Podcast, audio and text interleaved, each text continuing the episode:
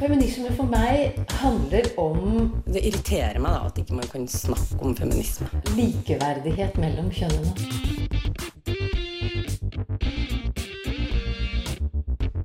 Det blikket på kvinnen på film. handlet det om å bli tatt på alvor som jente. Du hører på Et eget rom på Radio Nova.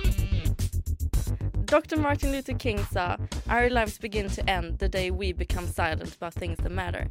Vi är inne i februari månad som för många gjort sig känd som Black History Month.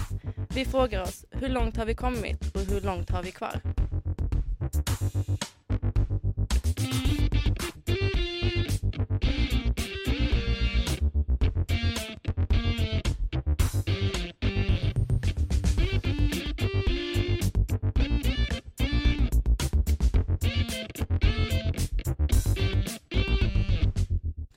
Så, klockan är tio och du hör på ett eget rum.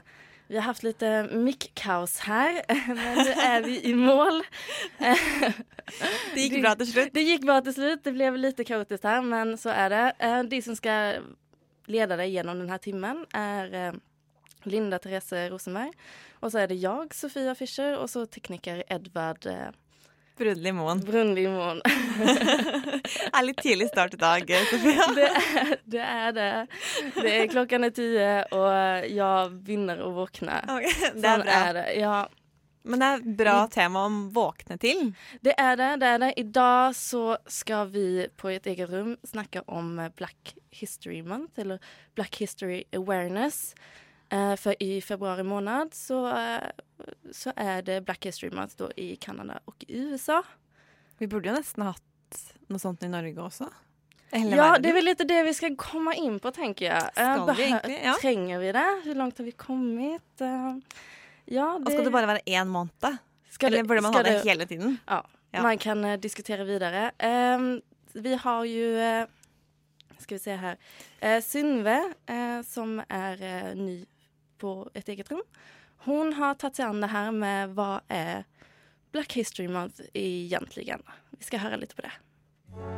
Det var på mitten av 1920-talet, närmare bestämt 1926, att den amerikanske historikeren och journalisten Carter G. Woodson tog initiativet till det som den gang ble kalt Negro History Week. Den tidligere presidenten Abraham Lincoln, også kjent som mannen som avskaffa slaveriet, og borgerrettighetsaktivisten Frederick Douglass hadde begge bursdag den andre uka i februar, og Carter G. Woodson valgte derfor å like godt sette Negro History Week til nettopp andre uke i februar.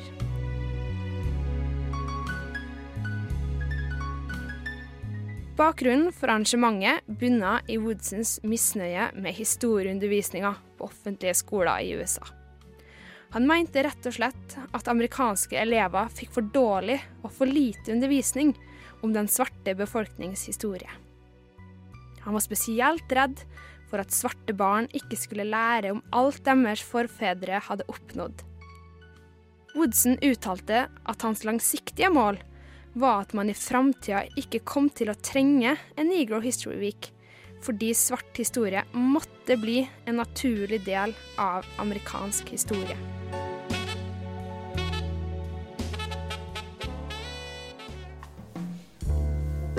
Negro History Week viste seg å bli en stor suksess. Det ble bl.a. starta opp Black History Clubs. Noen ordførere godkjente Negro History Week som ferie och stat efter stat utvida från Negro History Week till Negro History Month. I 1976 blev denna utvidelsen officiellt godkänd av dåvarande president Gerald Ford.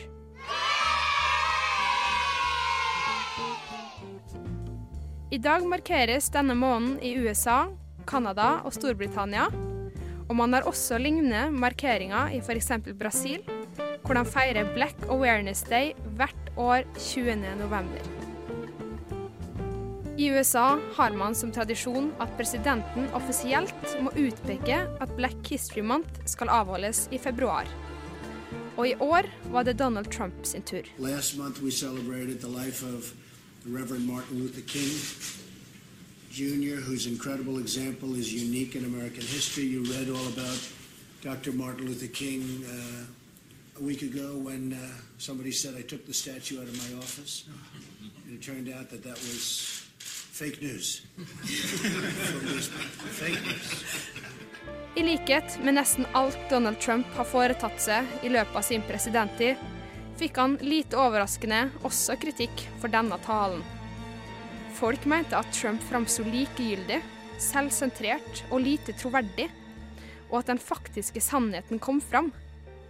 At Donald Trump ikke bryr seg om svartes rettigheter. Men det kan da vel umulig stemme? I anledning Black History Month er det ikke bare Donald Trump som får kritikk. Det finnes også en god dose mennesker som kritiserer markeringa i seg sjøl. Noen mener bl.a. at Black History Month er diskriminerende overfor hvite, da det ikke eksisterer noen White History Month. En annen uttalt kritiker er den amerikanske skuespilleren Morgan Freeman, som har følgende å si om markeringa. Ridiculous. Why? You're going to relegate my history to a month? Oh, come on. What do you do with yours? What, which month is White History Month? Han mener altså at det er latterlig at svart historie komprimeres til én måned. Hvorfor kan man ikke ha fokus på det året rundt? På tross av kritikk feires og markeres Black History Month av utallige mennesker i verden. Spesielt av amerikanske skolebarn som gjennom hele februar får et ordentlig dypdykk i kampene som bl.a. Rosa Parks, Martin Luther King jr. og Malcolm X kjemper.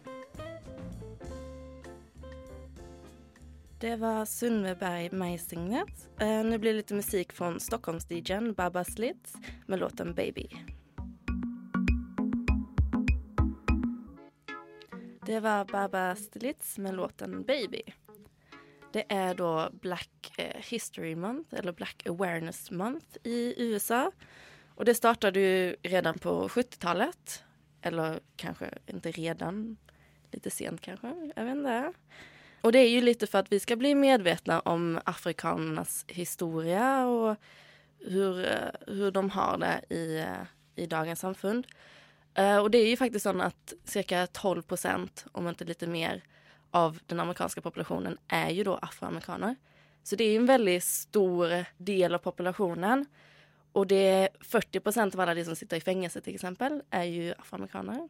Och runt 200 personer i 2016 blev mördade av polisen liksom, i USA. Så det har ju varit kanske en ganska stor forskjell på vita och svarta i USA, absolut.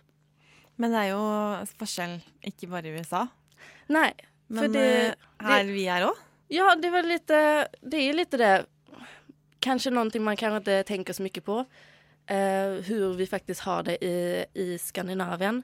För vi har ju ingen Black History Month här i Norge, eller i någonstans i Europa förutom i England. Jeg tenker at man veldig lett snakker om at man skal integrere dem, og de er late, og de jobber ikke, og de skal på snilt på og de kommer hit til Norden, Skandinavia, for at vi har det så bra her. Men man snakker jo veldig sjelden om er det å være farget og komme til det blenda hvite Norden. Nej, för det är just det att alltså jag, har, huskar aldrig att det var en debatt vi hade till exempel på skola och sådana ting när vi snackade om just hur det var för svarta att bo i Skandinavien. Men det är ju någonting som har blivit väldigt relevant just i USA på grund av att det har varit mycket media kring det och just för det att det är så många som sitter i fängelse, det är så många som, eh, som har blivit skjutna av till exempel polisen. Men eh, vi kan, ju, vi kan ju se lite, flytta oss över till Skandinavien så kan vi gå till mitt hemland Sverige.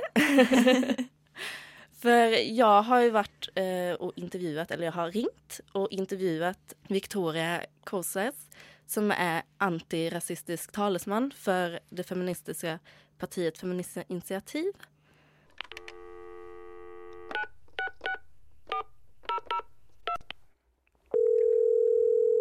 Hallå? Ni har då varit insatta i det här eh, Black Lives Matter. Vi- Har du lust att bara förklara lite snabbt vad Black Lives Matter är för någonting? Så Black Lives Matter det är en rörelse som grundades i USA som en gräsrotsrörelse. Och den grundade sig på, det var en reaktion efter frikännandet av eh, George Zimmerman 2013. Han frikändes för mordet på en 17-årig svart pojke som heter Trayvon Martin. Och efter det så började man den här uh, rörelsen via sociala medier framför allt. Och eh, det var tre svarta kvinnor som initierade det här initiativet Black Lives Matter. Och idag så har Black Lives Matter vuxit till en stor social rörelse för rättvisa. Och eh, man har framförallt då fokus på icke-våld eh, och att jobba med den institutionaliserade rasismen. Om man tittar på i världen så finns det flera Black Lives Matter-organisationer och det finns ungefär 950 protester och demonstrationer varje år som pågår runt om i världen. Ja, när var det Fi blev insatt i detta? Förra året faktiskt. Det var i juli förra året. Det var jag då som uh, initierade det hela. Efter att uh, det var två svarta män som mördades i USA under samma vecka. Så under en vecka så mördades två oskyldiga svarta män av polisen. Den ena heter Philando Castell och den andra heter Alton Starling. Och de sköts ihjäl av polisen och de blev inte dömda. Efter det här så kände jag att vi måste börja uppmärksamma det här i Sverige för att visa på att det här är inga isolerade händelser. Alltså det som händer svarta människor i USA har också kopplingar till det som händer svarta människor i Europa. Mm. Hur var det ni uppmärksammade detta? Jo, vi gjorde en video som uh, i solidaritet med Black Lives rörelsen i USA. Och det var en video med eh, svarta artister, skådespelare, aktivister eh, och vi eh, berättade för dem att vi solidariserar med dem men också hur situationen ser ut här i Sverige och att vi förstår deras lidande helt enkelt.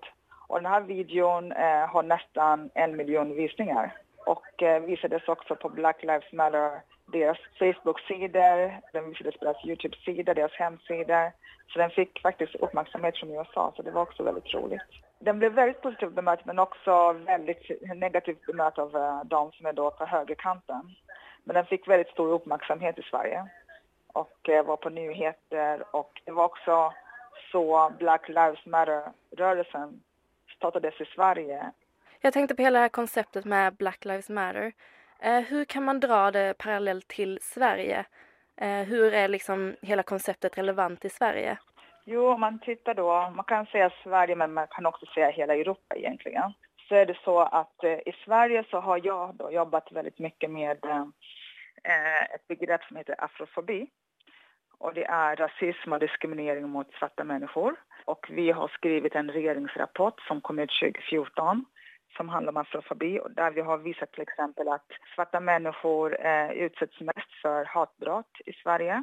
Vart fjärde hatbrott i Sverige är ett afrofobiskt hatbrott. Vi har flera fall där svarta personer har mördats av eh, nazister. Och vi hade eh, senast ett fall, en eh, svart moderatpolitiker som eh, dödades i, i Uppsala Eh, vi kan se liksom hur eh, hoten mot eh, svarta människor ökar mer och mer i det här samhället.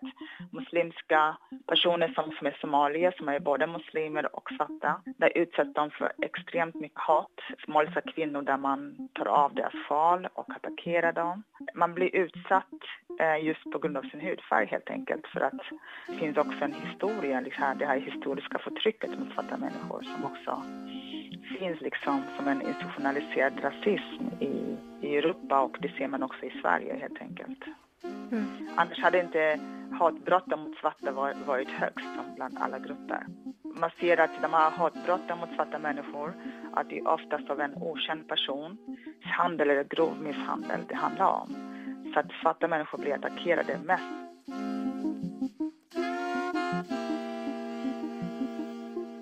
när du pratar om det här med vardagsrasism, hur tänker ni eh, arbeta med detta? Dels att uppmärksamma att det existerar så att man inte tror att rasismen är någonting som finns på högerkanten bara. Visa på att det här handlar om rasistiska föreställningar som finns bland människor som ja, helt vanliga funktionella personer i samhället som går till jobbet, kommer hem, att det finns liksom den här äh, de här föreställningarna om att svarta människor är mindre värda eller en föreställning kring att vita människor har ett högre värde. Och det är en föreställning som man lär sig väldigt tidigt som vit person. Att man, har liksom, man är mer rationell, mer intelligent, mer modern. Och alla de här sakerna gör ju att svarta människor, man ser på dem som om att de inte är lika kapabla eller lika kunniga. Och att man faktiskt, i många fall så avhumaniserar man svarta människor.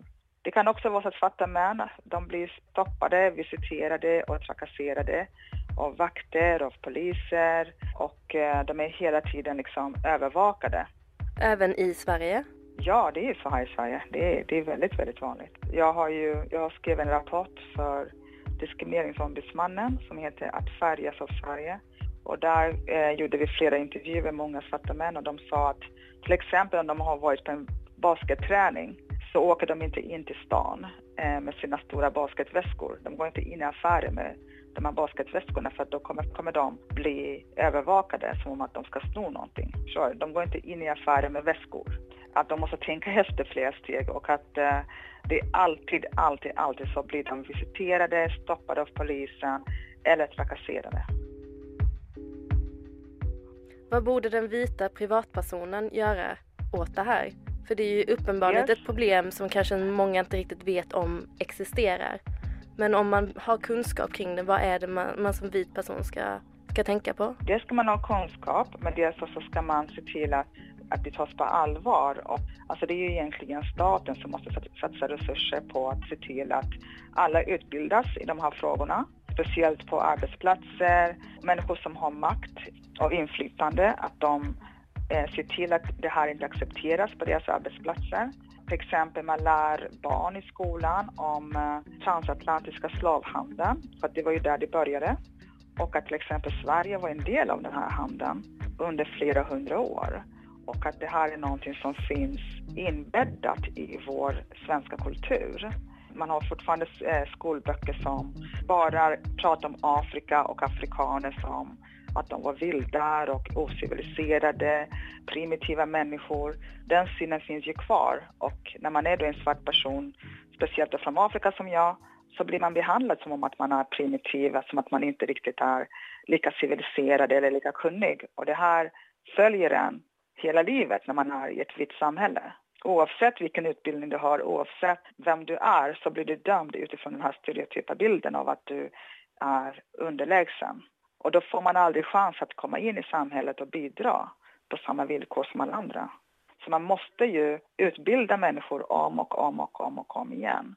Och det här är någonting som Sverige har varit med och skapat genom den här rasbiologiska institutionen till exempel som vi hade under 1920-talet. Det första i hela världen där vi liksom ville bevisa att den vita ariska rasen är högre stående. Eh, och det här är någonting man trodde på. Och den här tron finns fortfarande kvar som en, som en idé. Eh, nu eh, politiskt sett så har vi Sverigedemokrater som för en politik som är byggd just på att skapa sociala orättvisor eh, som bygger på nationalism, rasism och en identitetspolitik som utmålar alla som inte är vita svenskar. Det är en politik som bygger på vi och dem och eh, man, man attackerar flyktingar, man attackerar EU-migranter, feminister, antirasister, hbtq-personer. Man liksom attackerar alla som man anser inte tillhör den här liksom heterosexuella normen.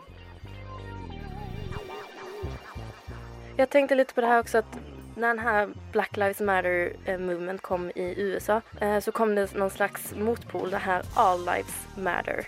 Vad har du för tankar kring den? Alltså bara för att man säger Black Lives Matter betyder inte att man utestänger alltså andra personer, att man ser att Black Lives Matter är den viktigaste frågan. Utan det man försöker säga är att visa på att svarta liv värdesätts inte och att vi måste börja värdesätta svarta liv. Det är det det handlar om. Så att All Lives Matter är bara ett sätt att distrahera från det som är huvudfrågan att eh, människoliv behandlas inte lika. Det finns en hierarki bland hur man behandlar människor, bland vilka som är privilegierade och vilka som inte är privilegierade, vilka som har makt, vilka som inte har makt. Och de som inte har makt, de måste vi stärka. Det handlar inte om alla liv är lika värda. De är lika värda men de behandlas inte likvärdigt.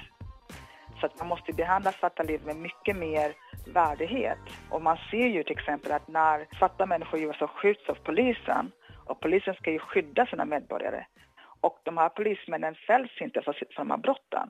Det är det fel på systemet som friar poliser från mord. Och varför friar man vita poliser när de mördar svarta människor kontinuerligt? Det är liksom satt i system. Och det ger signaler om att svarta liv inte har ett värde och det där måste vi ändra på. Om alla liv ska ha lika mycket värde, då måste vi börja med de liv som inte värdesätts. Man får inte vara med i leken, man får Det var en intervju med Victoria Karsoves. Eh, nu kommer lite musik från rapparen Guled featuring Ozzy med låten Kom se. Feminist, a person who believes in the social, political and economic equality of the sexes. Ett eget rum. Ett eget rum. Ett eget rum. Ett eget rum. Ett eget rum. Eh, vi har sett lite på situationen i Sverige när det kommer till eh, black awareness och sånt. Men ehm, den här hashtaggen som blev väldigt stor, Black Lives Matter, eh, den som vi har hört lite om var ju på grund av det att det var en, en gutt som blev skjuten i USA. Eller rättare sagt Tyvon Martin hette han. Och han blev skjuten för fem år sedan. Idag. Det är helt... På dagen sjukt at ja. det er fem år siden. Ja. Fordi jeg tenkte at det var sånn to-tre år siden. Ja, man tänkte, eller jag tänkte att det här med Black Lives Matter var ganska nytt ändå. Och det är liksom det här som skedde för fem år sedan och är det som startade hela, hela hashtaggen på ett sätt. Uh, och det har ju verkligen det har hållit på några år nu alltså. Men det är egentligen, jag liker ju att den håller sig levande. Mm. Eh, for det viser bare at den er viktig. Og den er viktig, og den skal være viktig. Absolutt. Sier jeg, hvit kvinne fra trygge Oslo. ja, men det är bra att, att alla syns det är viktigt. Att det inte bara är svarta människor som säger vi tycker det här är viktigt utan att man kommer som en slags gemenskap och syns alla att det här det är viktigt med att svarta liv eh, behandlas lika med vita människor eller från vilken minoritet som helst. Det går vel litt i bølger, opplever jeg selv. Det var en bølge på tidlig 2000-tallet i Oslo. Mm. Eh, hvor en eh, mørk eh, gutt, tenåring, ble drept. Men så bare forsvant den litt. Man snakket ikke om det på ganske lenge. Mm. Før denne emneknaggen plutselig dukket opp fra USA og kom hit til Europa. Altså. Ja, det har gett lite glöd i det igen ja. och startat upp en debatt som kanske höll på att försvinna. Och eh, alltså det här Black Lives Matter har ju blivit väldigt stort i hela Europa. Och i Norge vad var det 15 juli 2016 så hade man ju en demonstration, Black Lives Matter. Och då var det att man stod i solidaritet till eh, vad som skedde svarta människor i USA. Och också liksom starta en debatt här i Norge. För det, det kan ju absolut eh, behövas. Ja, och det, det som är synd, da, igjen, jeg kan bare ikke si det några ganger, det er at man, man spør jo ikke egentlig etter fargede menneskers erfaringer ved mm. å vokse opp eller bo i Norge. Og det er jo en stor majoritet som er hvite. Ja. Og jeg tenker at hvis man ikke er vokst opp i en by eller et større tettsted hvor det kanskje er innslag av ikke-hvite mennesker, så er det veldig lett å ha veldig mange meninger mm. om fargede mennesker. Ja, för det är väl lite det också att men här i Oslo, vi, vi bor ju bägge i Oslo så vi ser ju många människor från olika bakgrunder. Men det är ju inte lika vanligt utanför Oslo. Eh, och mina, de, de som kommer från Afrika bor ju oftast i storstäder. Eh, och trots det så är det ju många som inte har någon representation i, eh, i, på Stortinget eller politiskt sett. Och det skapar ju det skapar ju lite av ett problem för då har ju inte de något utrymme till att skapa en debatt på något sätt. Eh, och då är det väldigt bra att en sån här hashtag Black Lives Matter har kommit som med så mycket energi och fart och med så många människor bakom. För det gör det ju lättare till att skapa en debatt igen. Och så det, jag tror det är en väldigt lätt måte att engagera alla på. Mm. Enten om du har snackat med en svart person för eller om du aldrig har mött någon sån närt personligt. Så kan du engagera dig i det som sker och bli med i, i den bevegelsen. Ja. Eh, vi, ska, vi ska gå vidare lite sen också, för du har ju varit och intervjuat en kvinna som heter Farah Salimi. Ja. Som jobbar eh, på Mira-centret. Resurscenter för Resurscenter. minoritetskvinnor. Ja. Och det har ju, är ju lite intressant för att man tänker ju att feministrörelsen är kvinnor, kvinnors plats i samfundet på något sätt och man kanske glömmer bort att det finns många dimensioner på kvinnor och kvinnor kommer från olika delar av världen och från olika delar av landet. Grunden till att Mira-centret blev etablerat nettopp fordi kvinnor med minoritetsbakgrund følte att eh, existerande organisationer, kvinneorganisationer, de talte inte deras sak. Och de følte också att um, det är inte ett rum som är öppet för dem i eh, de etablerade organisationer.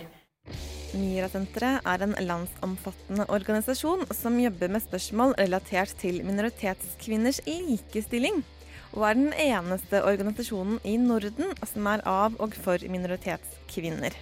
Mange kvinner med minoritetsbakgrunn følte att eh, de blir på en måte tatt inn som eksotiske elementer. Som att eh, ja, man har krav från ett eller annat sted för att eh, få støtte. Så söker man att ok, nu måste vi ha minoritetskvinnor, nu måste vi ha minoritetskvinnor. Eller så fantes det inte något sted där de kunde utfolde sig, diskutera sina egna speciella situationer, stärka varandra, skapa nätverk. Så dette behovet for et eget senter det handlet egentlig mye om at det ikke var så veldig stort rom for minoritetskvinners ja, kvinner, eller ja, meninger og opplevelser og Ja, vi tenker at ja, alle kvinner er kvinner, og kvinner må kjempe for likestilling. Men uh, i den likestillingskampen så ser jo vi at uh, noen kvinner Hvis man ser den strukturelle siden av eh, eh, kjønnsdiskriminering, så ser vi at den strukturelle siden eh, diskriminerer kvinner også på forskjellige måter. F.eks. For på arbeidsmarked så ser man at hvis du har en utenlandslignende navn, du bruker scout, du har en annen nasjonalitet, så har du forskning viser at 25% mindre sjanse til å bli innkalt til intervjuet en gang. Å liksom.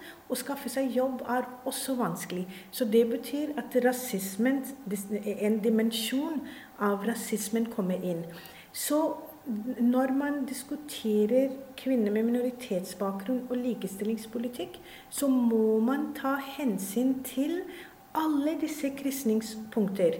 Det betyr interseksjonelle former for diskriminering. Det betyr at eh, både hennes etnisitet, hennes kjønn og hennes klassebakgrunn, ikke minst, kobles inn for at hun skal ha den makten hun har, hennes hverdag, hvordan de skal eh, være, osv. osv. Fakra Salimi mener norske kvinneorganisasjoner har lett for å glemme den interseksjonelle analysen i sitt arbeid. Og om man snakker om interseksjonalitet, har de likevel lett for å havne i bakgrunnen. Det er ikke noe hemmelighet at Norge er et flerkulturelt samfunn. Det är faktiskt ett anerkänt faktum att eh, Norge är ett mångfaldigt eh, flerkulturellt samfund idag. Och då är frågan, hur ska vi ha det mångfaldet representerat överallt? Och definition för en norsk kvinna idag är ju att hon också brukar hijab, hon eh, är mörk i huden, hon är också blond. hon har blå ögon men hon har också bruna ögon. Eh, så det är det som är definitionen på en eh, norsk kvinna idag. Så normen för som har definierat en norsk kvinna tidigare håller på med ändra sig. Och då är det väldigt viktigt att vi också ändrar Eh, eh, vår ta, måte å tenke på, og vår, vår, måte å inkludere det mangfoldet inn i det vi eh, jobber med. Salimis første møte med norsk kvinnebevegelse var parolemøte for 8. mars-toget i 1980, hvor minoritetskvinnene fremmet forslag om at hovedparolen burde være 'kampen mot rasisme er også kvinnekamp'. Och då var det väldigt starka reaktioner bland kvinnoorganisationer att nej, detta bör vara en paroll under internationell solidaritet. För norsk kvinnokampen är liksom detta är könskamp liksom. Mm.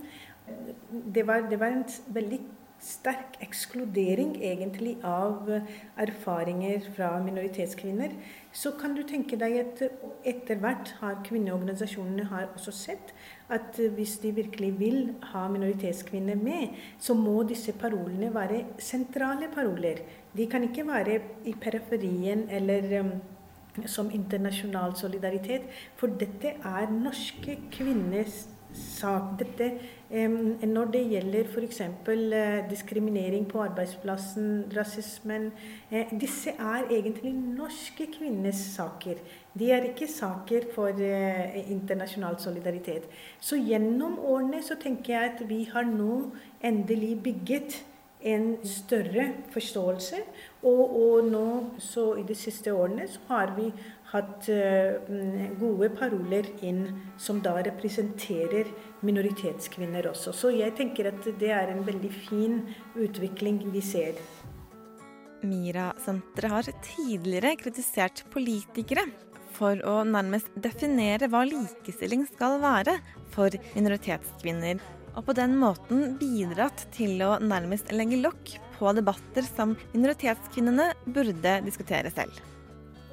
En ting som jeg fortsatt føler er veldig merkelig i Norge, det er at man tenker likestilling. Likestilling for alle. Men så er det noen få som definerer hva likestilling skal være. Og der tror jeg de, de, de, som da definerer hvordan likestilling skal være, der tror jeg minoritetskvinner er fraværende fra disse fora. Og ikke bare minoritetskvinner, men jeg ville tro at etnisk norsk arbeiderklassekvinner er også fraværende fra disse fora. Og den type likestilling man snakker om, det er veldig middelklasse og overklasse likställning, hvor man har arbeid som hovedfokusområde. At arbeidslinjen kjøres så sterk at alt annet forsvinner. Og det som jeg tenker, er at eh, hvis minoritetskvinnene skal ha mulighet til å definere sin egen frigjøring Jeg tenker at hvis minoritetskvinner eh, får mulighet til å definere likestilling for seg selv, eller for dem selv, eh, så tror jeg veldig mange kvinner ville se også at arbeid er viktig. Og arbeid kan gjøres eh, med skaut eller uten skaut. Høyere utdanning er viktig. Høyere utdanning eh, kan kvinner få også med hijab, uten hijab. Så disse typer saker som da egentlig kvinner, eh, minoritetskvinner selv ikke ser som en hindring. Norsk samfunn ser på det som hindring. Vi må definere likestilling i en bredere perspektiv og se hvordan skal vi ha kvinner eh, og mangfold inn i samfunn og viktige arenaer i samfunnet. Men opplever du at minoritetskvinner blir inkludert eller får mulighet, rom til å være med og sette disse premissene? Veldig lite. Veldig, Veldig lite. Salimi trekker frem Nordisk kvinnekonferanse som en arena hvor minoritetskvinner lenge har kjempet for å bli representert i arrangementskomiteen jag, jag hade icke i min vildes fantasi tänkt att vi skulle bli avvist. Och mm, särskilt när vi också tog initiativ själv. Och svenska minoritetskvinnor de bojkottade ju hela eh, hele Nordisk Forum. Men Miracentret valde att å bojkotta. boikotte, men var kritisk till det. Men där var det också... Det, det, det var repre, ingen representation i beslutningsdiktiga organer.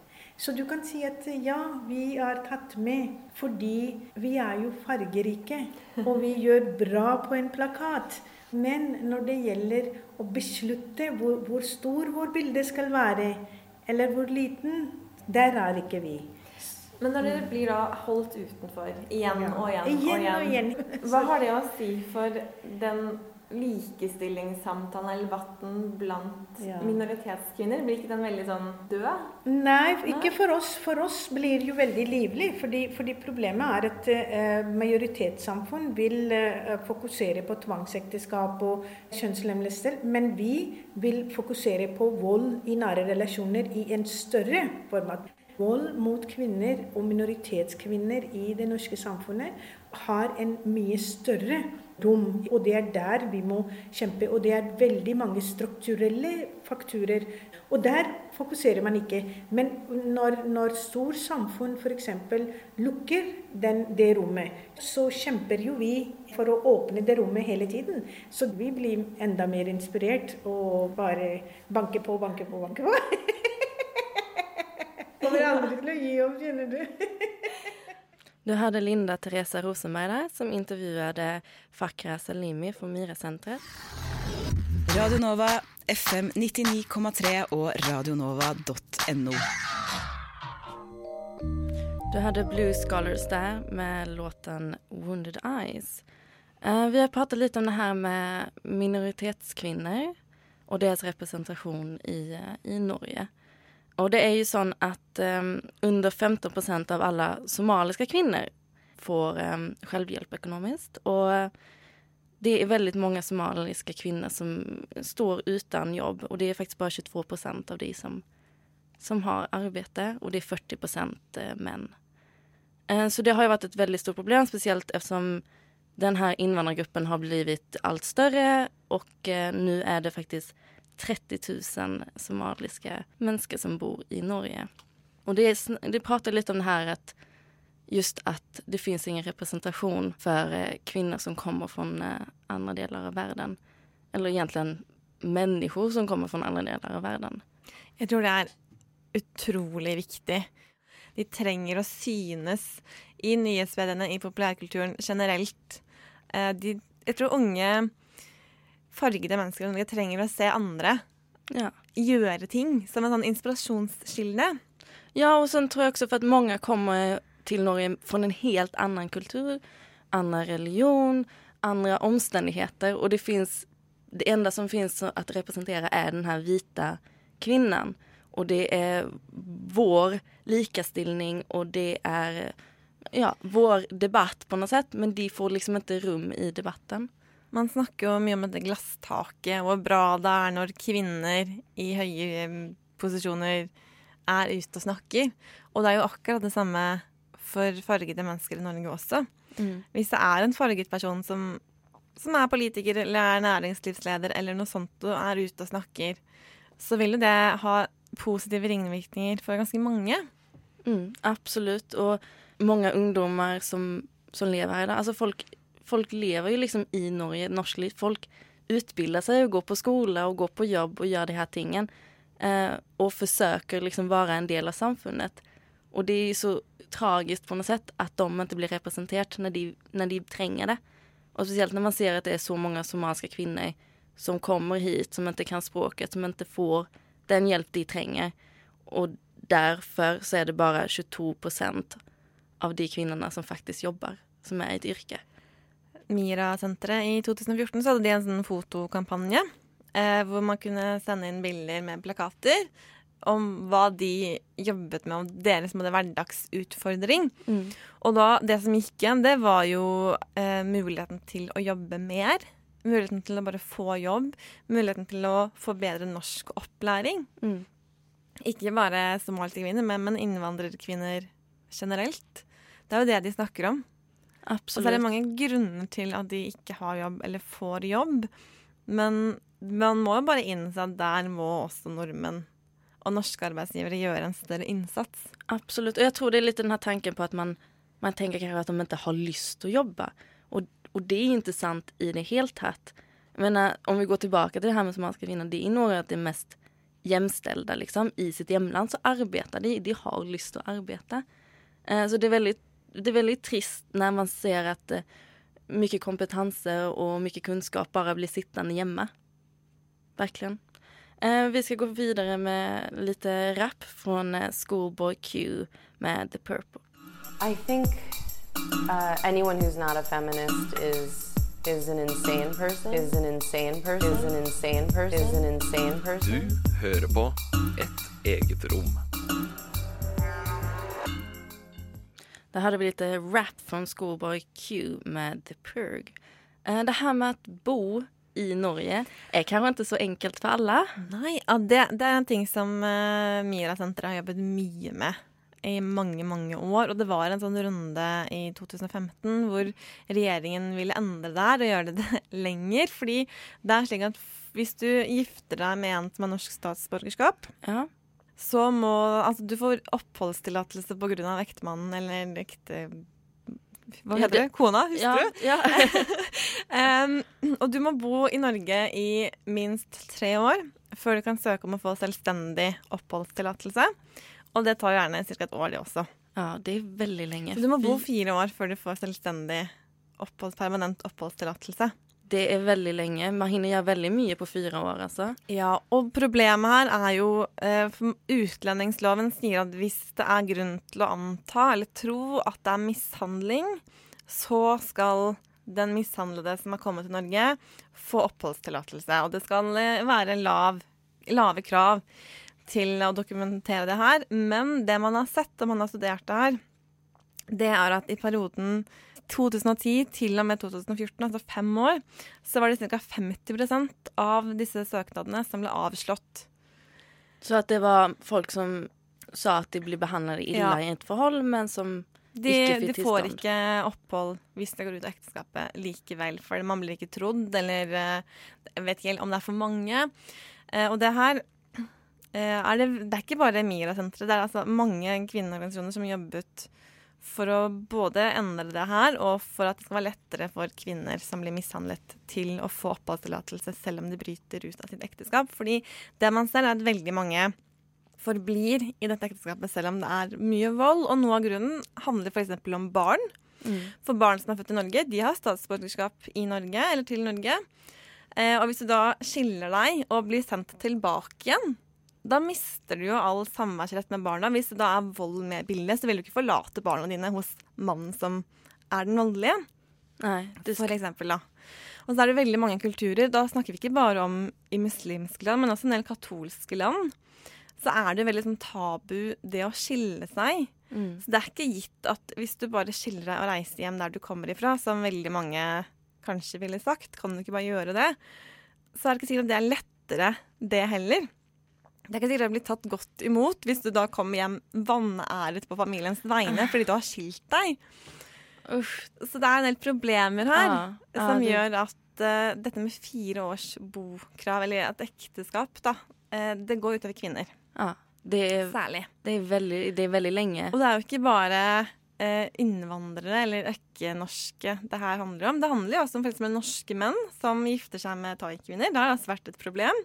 Mm. Og så kommer de til Norge, og så havner de kanskje i et voldelig ekteskap.